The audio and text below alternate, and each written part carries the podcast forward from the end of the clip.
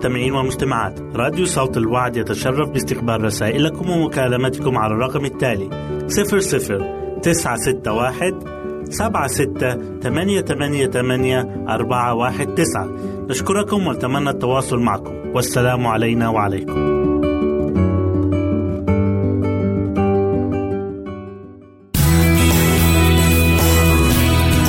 يمكنك استماع وتحميل برامجنا من موقعنا على الإنترنت www.awr.org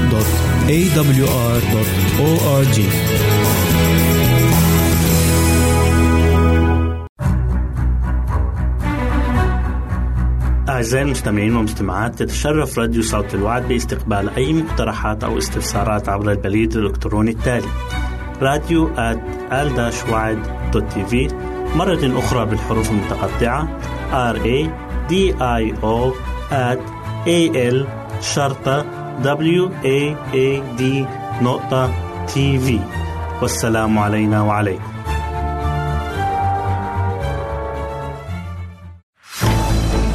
أعزائي المستمعين والمستمعات راديو صوت الوعد لا يكتفي بخدمتكم عبر الموجات الصوتية فقط بل وإنه يطرح لكم موقعا إلكترونيا يمكنكم من خلاله مشاهدة أجمل البرامج الدينية الثقافية الاجتماعية وغيرها من المواضيع الشيقة. يمكنكم زيارة الموقع من خلال العنوان التالي www.al-waad.tv مرة أخرى بالحروف المتقطعة www.al-waad.tv والسلام علينا وعليكم.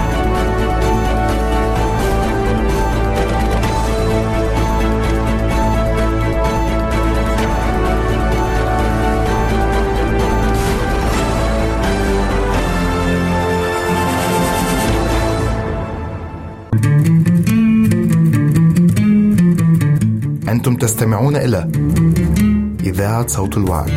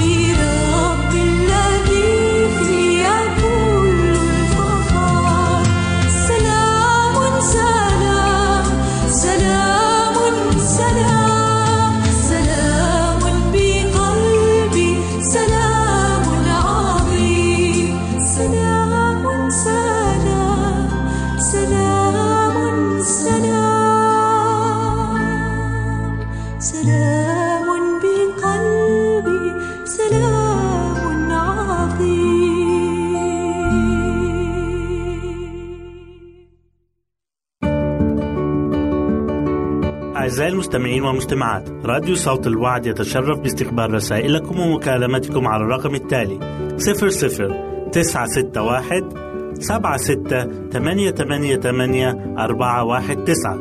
نشكركم ونتمنى التواصل معكم. والسلام علينا وعليكم.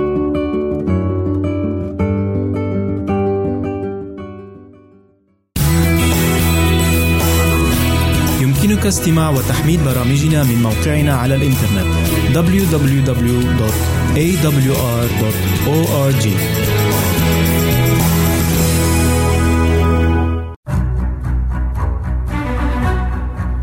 أعزائي المستمعين والمستمعات تتشرف راديو صوت الوعد باستقبال أي مقترحات أو استفسارات عبر البريد الإلكتروني التالي راديو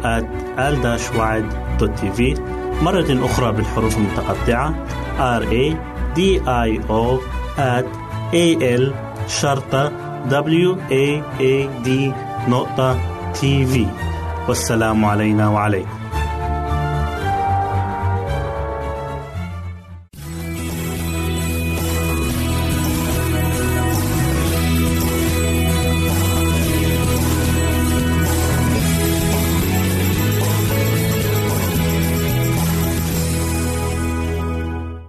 أهلا وسهلا بكم مستمعين الكرام في كل مكان. يسعدني أن أقدم لكم برنامج من هنا وهناك والذي يتضمن الفقرات التالية العسل الأسود وفوائده هل تعلم؟ بذرة الصنوبر وفوائدها.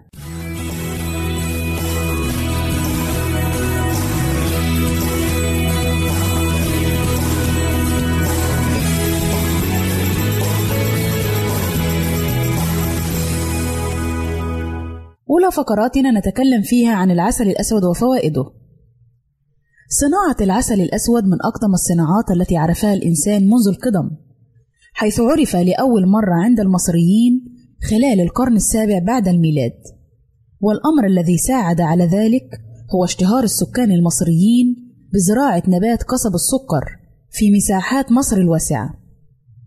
كان العسل الأسود ينتج بشكل كبير أيضا في المناطق المحيطة بالبحر الكاريبي حيث توفرت هناك البيئة الملائمة لنمو نبتة قصب السكر بكميات وفيرة. ثم انتقلت عملية إنتاجه إلى مناطق كل من تايلاند والهند وتايوان. يحتوي العسل الأسود على قيمة غذائية عالية بالمقارنة مع غيره من السكريات. لذلك فهو يمد الجسم بكميات عالية من الطاقة والمواد الكربوهيدراتية والأملاح المعدنية والبروتينات والفيتامينات التي يحتاجها الجسم بشكل يومي. يعمل العسل الأسود على تقوية جهاز المناعة وبالتالي الحماية من الكثير من الأمراض الناتجة عن سوء التغذية ويعتبر علاجا فعالا في حالات الضعف العام لما يحتويه من فيتامينات وأملاح معدنية كثيرة. كما يحمي العسل الأسود من الإصابة بفقر الدم لاحتوائه على نسبة عالية من الحديد الضروري لإنتاج خلايا الدم المختلفة ويحتوي على نسبة كبيرة من عنصر الحديد الهام لتكوين خلايا الدم وزيادة نسبة الهيموجلوبين في الدم وبالتالي فهو يساعد على علاج فقر الدم أو الأنيميا. يساعد العسل الأسود على التخلص من مشاكل الجهاز الهضمي ويتم استخدامه كملين يساعد الجسم على التخلص من الفضلات وعلاج الإمساك.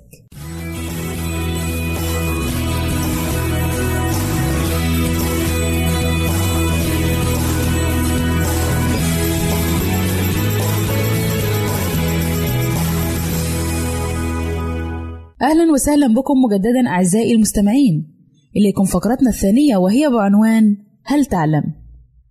هل تعلم أن أقدم كتاب في الرياضيات كتبه على ورق البردي كاتب اسمه أحمس ويسمى قرطاس أحمس أو بردية رايند كتب منذ أكثر من 35 قرنا وهو الآن في المتحف البريطاني هل تعلم أن مئات من المجرات توجد في الفضاء وتحجبها مجرة درب التبانة؟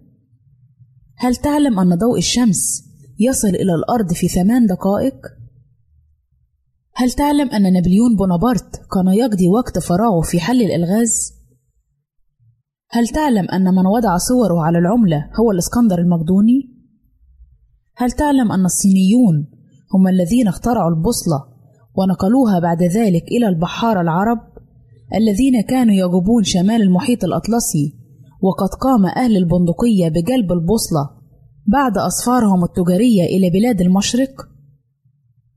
هل تعلم أن الأظافر إذا أزيلت جراحيا أو فقدت لأي سبب فإنها تأخذ مئة يوم لكي تعود كما كانت مرة أخرى؟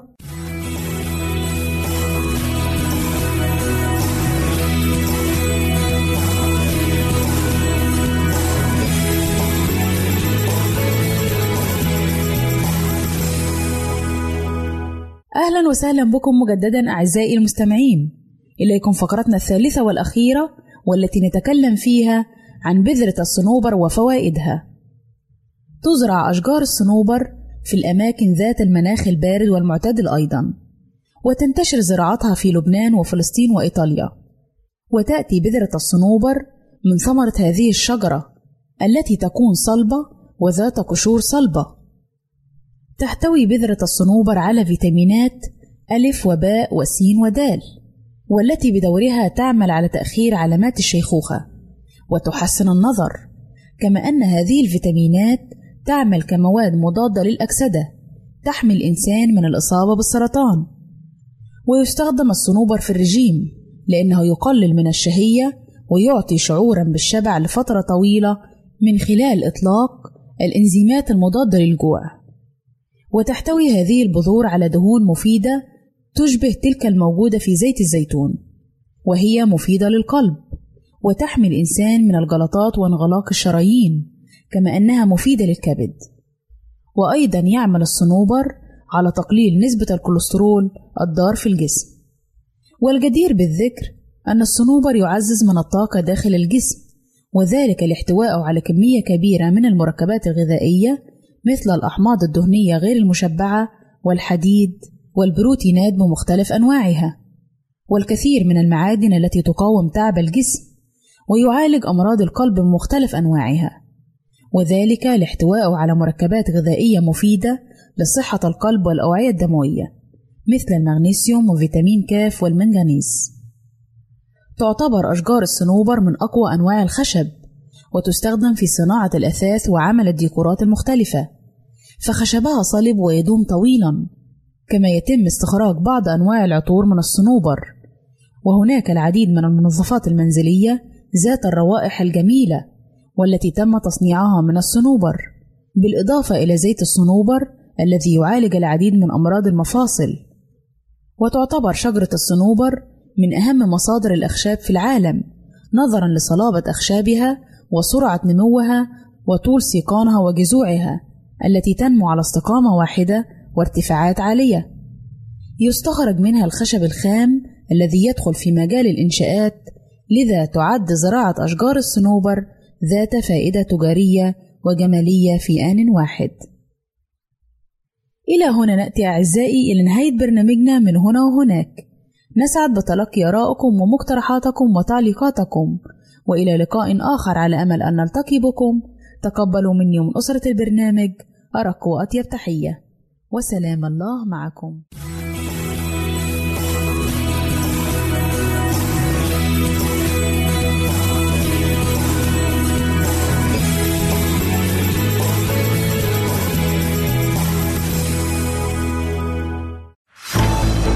أعزائي المستمعين والمستمعات راديو صوت الوعد لا يكتفي بخدمتكم عبر الموجات الصوتية فقط بل وإنه يطرح لكم موقعا إلكترونيا يمكنكم من خلاله مشاهدة أجمل البرامج الدينية الثقافية الاجتماعية وغيرها من المواضيع الشيقة. يمكنكم زيارة الموقع من خلال العنوان التالي www.al-waad.tv مرة أخرى بالحروف المتقطعة www.al-waad.tv والسلام علينا وعليكم.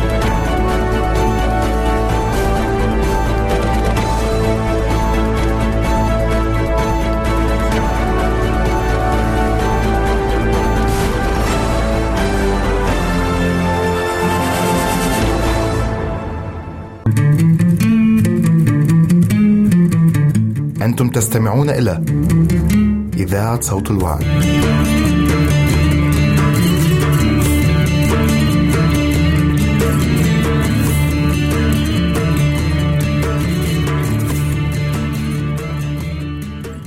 يا الله إلهي أنت.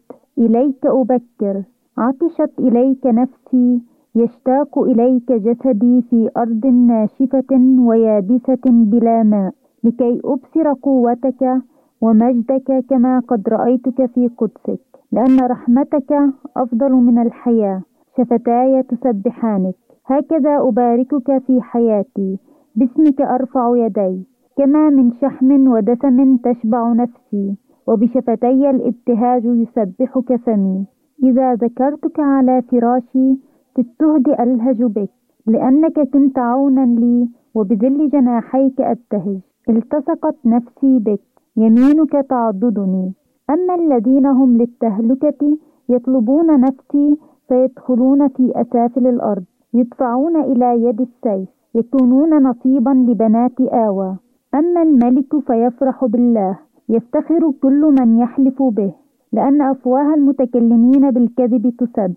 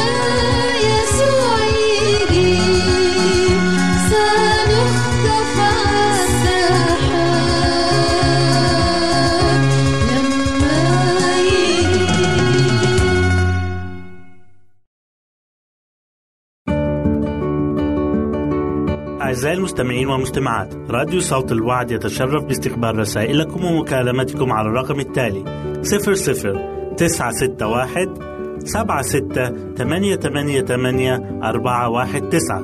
نشكركم ونتمنى التواصل معكم. والسلام علينا وعليكم.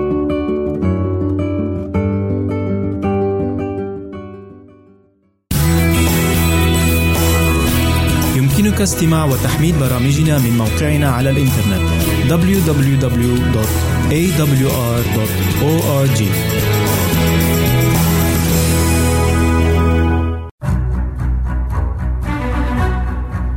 أعزائي المستمعين والمستمعات تتشرف راديو صوت الوعد باستقبال أي مقترحات أو استفسارات عبر البريد الإلكتروني التالي راديو آت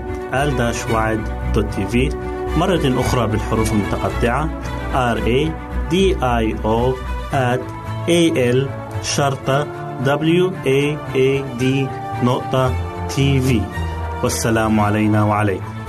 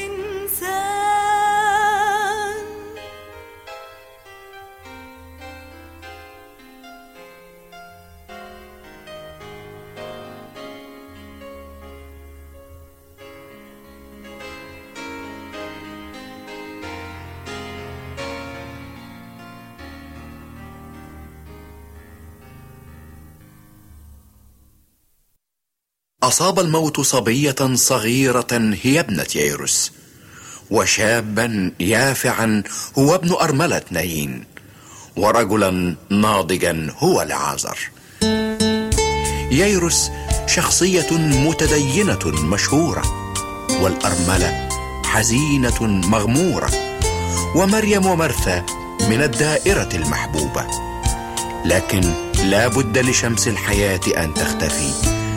ولقصة العمر أن تنتهي ولصفحة الإنسان أن تنطوي. لذا أرجو رب الحياة أن يخرج من القبر نفسك وأن يسير معك دربك وأن يضمن لك أبديتك. نعم لكل عملة وجهان فكما أن الخطية والموت توأمان هكذا الخلاص والقيامة متلازمان. والمسيح والحياة لا يفترقان.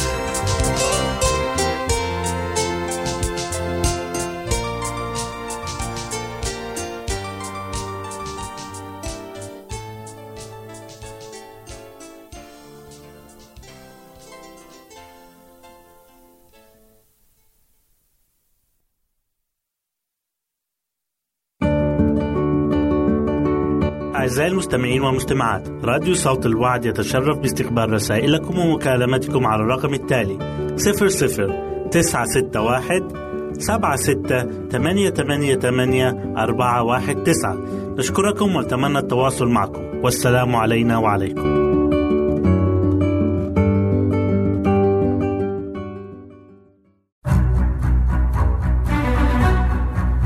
أعزائي المستمعين والمستمعات تتشرف راديو صوت الوعد باستقبال أي مقترحات أو استفسارات عبر البريد الإلكتروني التالي راديو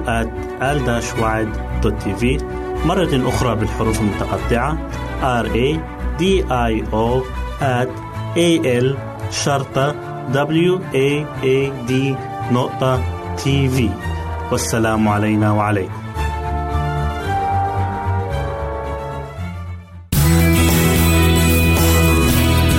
يمكنك استماع وتحميل برامجنا من موقعنا على الإنترنت www.awr.org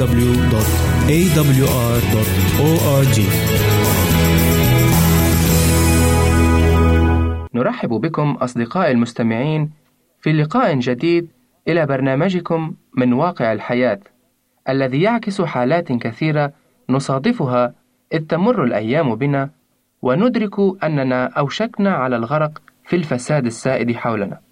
هل أستطيع أن أبدأ من جديد؟ نظرت الفتاة إلى هؤلاء الرجال الذين التفوا حولها ووجهوا لها أصابع الاتهام والضحكات الساخرة الصاخبة التي دلت على هزئهم بها واعتبارها فتاة رخيصة قذرة. باعت شرفها وعفتها للرجال من أجل المال والشهرة. وبينما كانت تحدق فيهم دار العديد من التساؤلات في ذهنها. لماذا فعل بها هؤلاء الرجال الذين اعتبرتهم أصدقاء أوفياء لها؟ هكذا أفعال. لماذا خدعوها ودفعوا بها إلى وادي الجحيم؟ لماذا خانوا ثقتها بهم وخدعوها؟ أما بالنسبة إلى خطيبها الذي وثقت في وعوده لها وقدمت له كل شيء عفيف تمتلكه بما في ذلك جسدها فقد كان المشترك الأول في ذلك المخطط الذي أودى بكل ما كانت تمتلكه من احترام للذات وطهارة وأخلاق فكيف وصلت إلى هذا المستوى من الانحطاط وكيف سمحت لخطيبها أولا ثم لسائر أصدقائه أن يستغلوها ويحطموها بهذا الأسلوب البشع. كل هذه التساؤلات كانت تدور في ذهنها بينما الضحكات الساخرة الرنانة كانت تخترق أذنها وتمزق قلبها ووجدانها. وفي هذه اللحظة بالذات شعرت بالحزن والأسى والندم على استسلامها بمحض إرادتها لهؤلاء الرجال الذين لم يكنوا لها ولو القليل من الاحترام.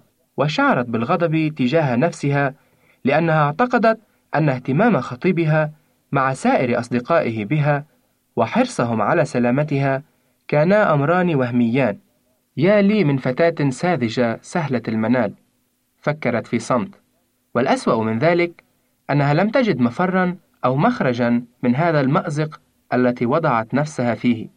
فلا أحد سيصدق أنها الآن تطوق إلى النور إلى الطهارة والعفة التي كانت تتمتع بهما قبل تلك المرحلة المدمرة، وبأنها نادمة على كل ما فعلته سابقا، فلا أحد سيمنحها فرصة ثانية، فرصة جديدة، فالكل سيتركها تغرق في بحر الخطية والفساد والهلاك. تذكرت ماضيها الذي كان بمثابة كابوس مزعج، فكفتاة في مقتبل العمر كانت تحلم وتتوق إلى الحرية والاستقلال عن أسرتها، وكانت لديها رغبة شديدة وشهوة مدمرة تجاه المتعة الجسدية التي منعها عنها المجتمع والأسرة والدين، فقررت الهرب، وهذا ما فعلته بالتحديد، وهكذا بدأ مشوار الفساد، فقد انغمست في الملذات والشهوات وكل ما منعه المجتمع وحرمه الدين. لم يكن هناك من شيء ليمنحها السعادة الحقيقية، ولا أحد ليجعلها تشعر بذلك الشعور الذي من أجل الحصول عليه هربت من أهلها وبيتها، فالجميع اتهموها بالزنا، وطلبوا أن تحاكم، وفي خضم كل هذه المشاعر والتساؤلات، وبينما كانت ما زالت تحدق في هؤلاء الرجال الذين التفوا حولها ووجهوا لها أصابع الاتهام، سمعت صوتا يدوي بالكلمات التالية: يا معلم، هذه المرأة أمسكت وهي تزني في ذات الفعل، وموسى في الناموس أوصانا أن مثل هذه ترجم، فماذا تقول أنت؟ يوحنا 8 الأعداد أربعة وخمسة سقطت هذه الكلمات عليها كالصاعقة وبدأت ترتجف خوفا لربما ليس خوفا من الموت ولكن من حكم ذلك الرجل الذي كان السبب في سقوطها. أبهذه الطريقة وصلت إلى نهاية المطاف وهل نهاية الطريق هي الموت المحتم؟ فقد كانت تتوق للحرية ولكنها وجدت العبودية في المقابل. عبودية الخطية والزنا والآن الموت كانت تفتش عن السعادة فوجدت التعاسة وبؤس المصير. ثم لاحظت ذلك المعلم الذي أتوا بها إليه فلم يكن رجلا عجوزا في عقده السادس أو السابع بل كان في عقده الثالث. لقد استمعت إلى عظاته في عدة مناسبات من قبل فهذا الرجل يختلف عن سائر الرجال الذين عرفتهم فهو رجل وعظ عن محبة الله وغفرانه. يدعونه يسوع الناصري. لكن لماذا يلتزم الصمت الآن؟ هل كان سبب صمته هو أنه اكتشف نوايا ذلك الحشد الذي اتهمها بالزنا؟ بدا وكأنه لم يسمع كلمة واحدة. لا شيء. فانحنى يسوع على الأرض وبدأ يكتب على التراب. كانت تلك المرأة تستوجب الموت رجما بالحجارة بحسب شريعة موسى. وفي حالة الرجم حتم الناموس على الشهود الذين رأوا بأعينهم حالة الزنا في ذات الفعل أن يرموها أولا بحجر. فوجه يسوع كلامه لقادة ذلك الحشد قائلا من كان منكم بلا خطية فليرجمها أولا بحجر. يوحنا 8 العدد سبعة. ثم عاد وانحنى ليكتب على الأرض مجددا. فخيم صمت موجع على الحشد. والمرأة المرتعدة من الموت رجما بالحجارة بدت وكأن الحياة دبت في عروقها مجددا وكأن بصيصا من الأمل أشع على وجهها. أما الحشد الذي كان يلتف حولها بدأ يتلاشى شيئا فشيئا بعد أن قرأ كل واحد منهم قائمة بأعماله الشريرة التي ارتكبها في حياته. فتركوا تلك المرأة وحدها مع المعلم. وقف يسوع بينما علت نظرات الدهشة على وجه المرأة التي لم تعرف ماذا تتوقع من المعلم القاضي. فلأول مرة وجدت نفسها أمام رجل لم يدنها أو يشتهيها أو يهينها. رجل أشفق على حالتها وتفهم صراعها واقتنع وآمن بتوبتها. رجل ساعدها أن تؤمن وتغفر. يا امرأة أين هم أولئك المشتكون عليك؟ أما دانك أحد؟ سأل يسوع. قالت وهي تكاد لا تصدق ما حدث. لا أحد يا سيد. فقال لها يسوع ولا أنا أدينك. اذهبي ولا تخطئي أيضا. كان صوت السيد كالموسيقى العذبة نازلة من السماء إلى أذنيها كالبلسم الشافي على جرحها العميق كاليد الممدودة لخلاصها. كان صوته نداء رجاء وحافزا للانتصار ووعدا للخلاص. فحالما أدركت ذلك دبت في جسدها حياة جديدة وحياة مجددة فشعرت بالتحول والشفاء من مرضها الأخلاقي كما أنها شعرت بالطهارة والحرية بالسلام مع الله وبالسعادة الأبدية. أنقذتها محبة الله اللامحدودة من عذابها وحياتها التي كانت متجهة نحو الدمار والهلاك. فحدث كل هذا التحول من جراء قوة يسوع الشافية المخلصة. مستمعي العزيز كما أن يسوع يكره الخطية فهو يحب الخاطئ.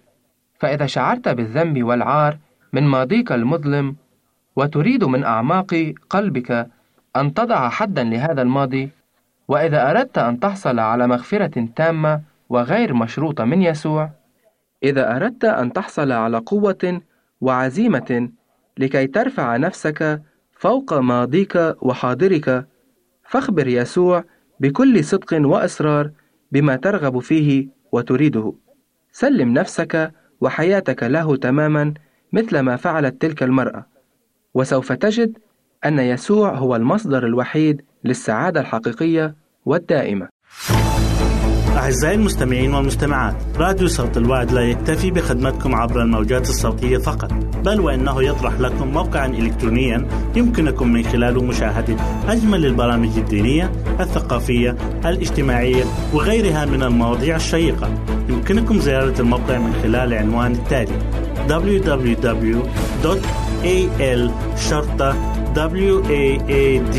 www.al.waad.tv مرة أخرى بالحروف المتقطعة www نقطة A L شرطة W A A D نقطة تي في والسلام علينا وعليكم.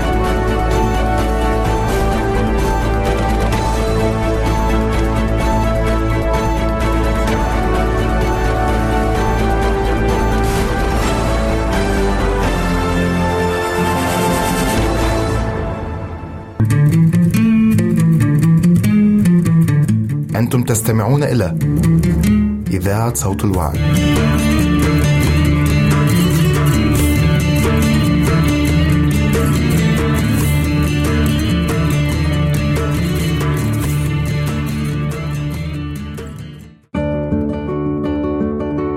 أعزائي المستمعين والمستمعات راديو صوت الوعد يتشرف باستقبال رسائلكم ومكالمتكم على الرقم التالي 00 961 سبعة ستة ثمانية ثمانية ثمانية أربعة واحد تسعة نشكركم ونتمنى التواصل معكم والسلام علينا وعليكم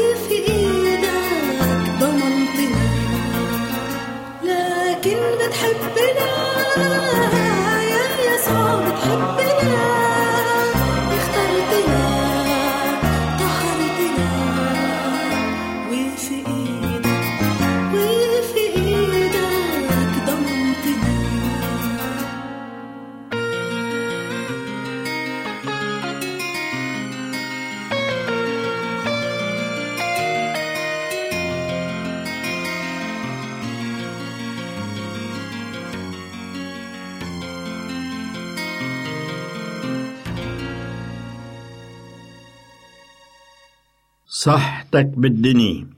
الأنف وأمراضه. الأنف هو الواجهة الأمامية عند الإنسان وله أكثر من وظيفة وهو عضو حاسة الشم عند الإنسان.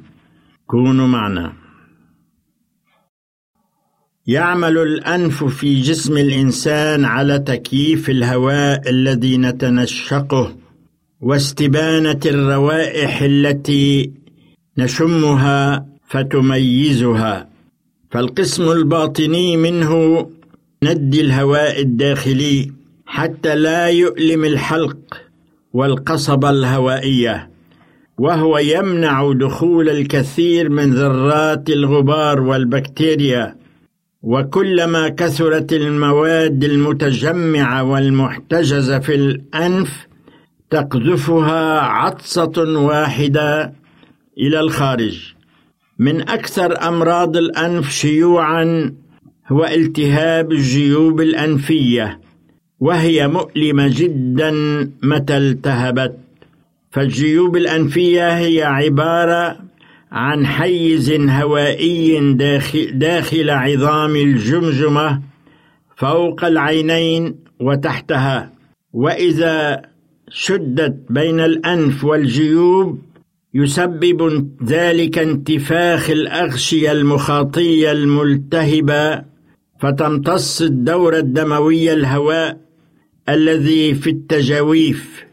عندئذ يخف الضغط والألم الذي يحصل بسبب الالتهاب المحلي ويكون العلاج بمحو الالتهاب وإعادة الاتصال مع الأنف ويفيد في هذه الحالة استنشاق البخار.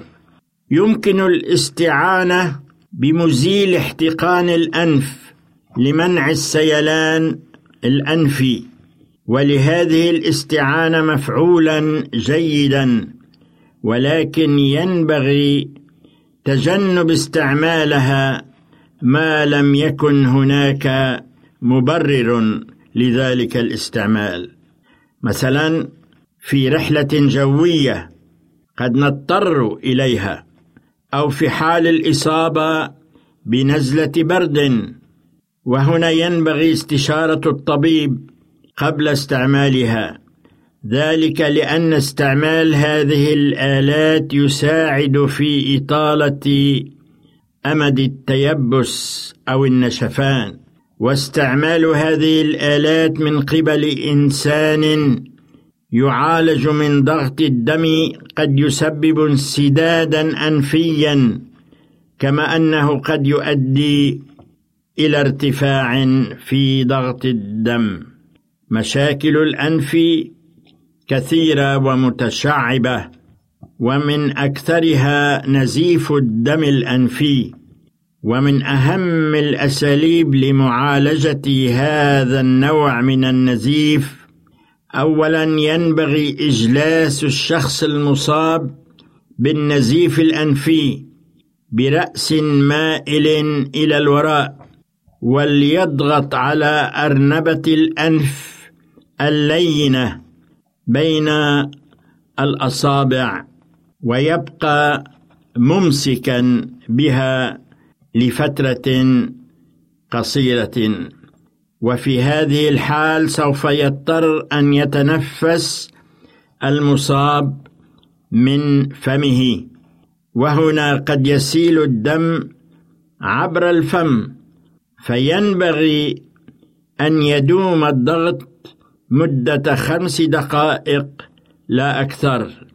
إن موقع النزف في العادة يكون قرب الأنف من الأمام والضغط بين الأصابع قد يساعد على تخثر الدم في الأوعية الدموية. ومتى توقف النزيف؟ هنا ينبغي تحذير الطفل المصاب من نفخ أنفه كي يخرج الدم المتجمد. أما إذا شعر المريض بأنه على وشك أن يغمى عليه فأضجعيه ريثما يزول الشعور ولا تخافي ابدا ولا تشعريه أنك خائفة لأن النزيف من الأنف قلما يشكل خطرا على الإنسان. أما إذا لم يتوقف النزف ولم تفده الإسعافات الأولية عندئذ يستشار الطبيب من أجل معرفة النزف ومصدره وذلك يتم بمعاينة وفحص الأنف من الداخل. عندئذ سيجد المكان المناسب ليضغط على العرق النازف. أما إذا عاد النزف من جديد يعمد إلى تجميد النقطة المفتوحة في الأنف مادة مخاطية وشعيرات كما أن الأنف هو المكان المناسب من أجل عملية التنفس فالتنفس من الأنف هو أفضل بكثير من التنفس عن طريق الفم.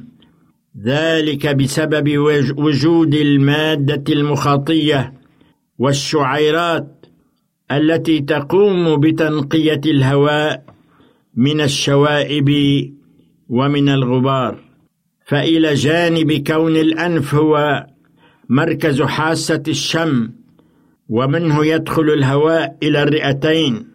ولسوء الحظ فقد أسيء استعمال الأنف خصوصا بعد انتشار عادة التدخين.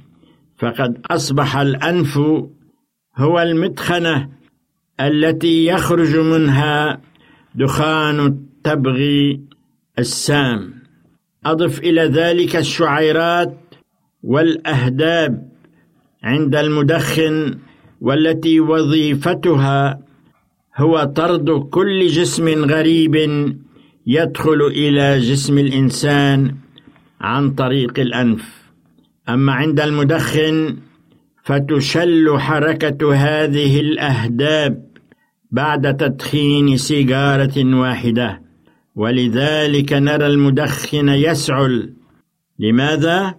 لأن الأنف أو الحلق لا يقبل الجسم الغريب ولأن الأهداب أو الشعيرات مشلولة الحركة فيحاول الجسم التخلص من هذه المواد الغريبة. بالسعال. كان معكم اشحاد الحلبي.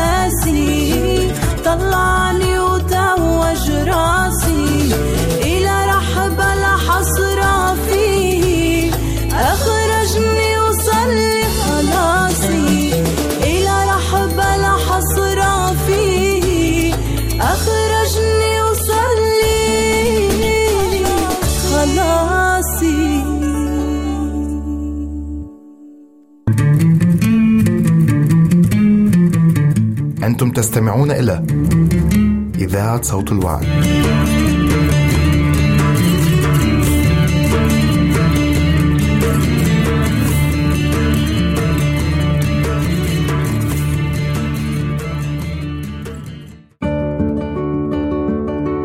أعزائي المستمعين والمستمعات راديو صوت الوعد يتشرف باستقبال رسائلكم ومكالمتكم على الرقم التالي 00 961 سبعة ستة ثمانية ثمانية ثمانية أربعة واحد تسعة نشكركم ونتمنى التواصل معكم. والسلام علينا وعليكم.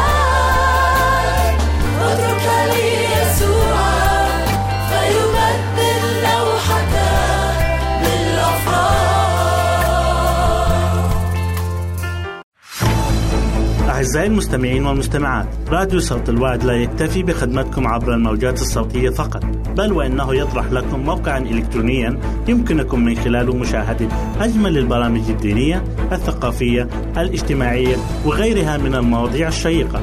يمكنكم زيارة الموقع من خلال العنوان التالي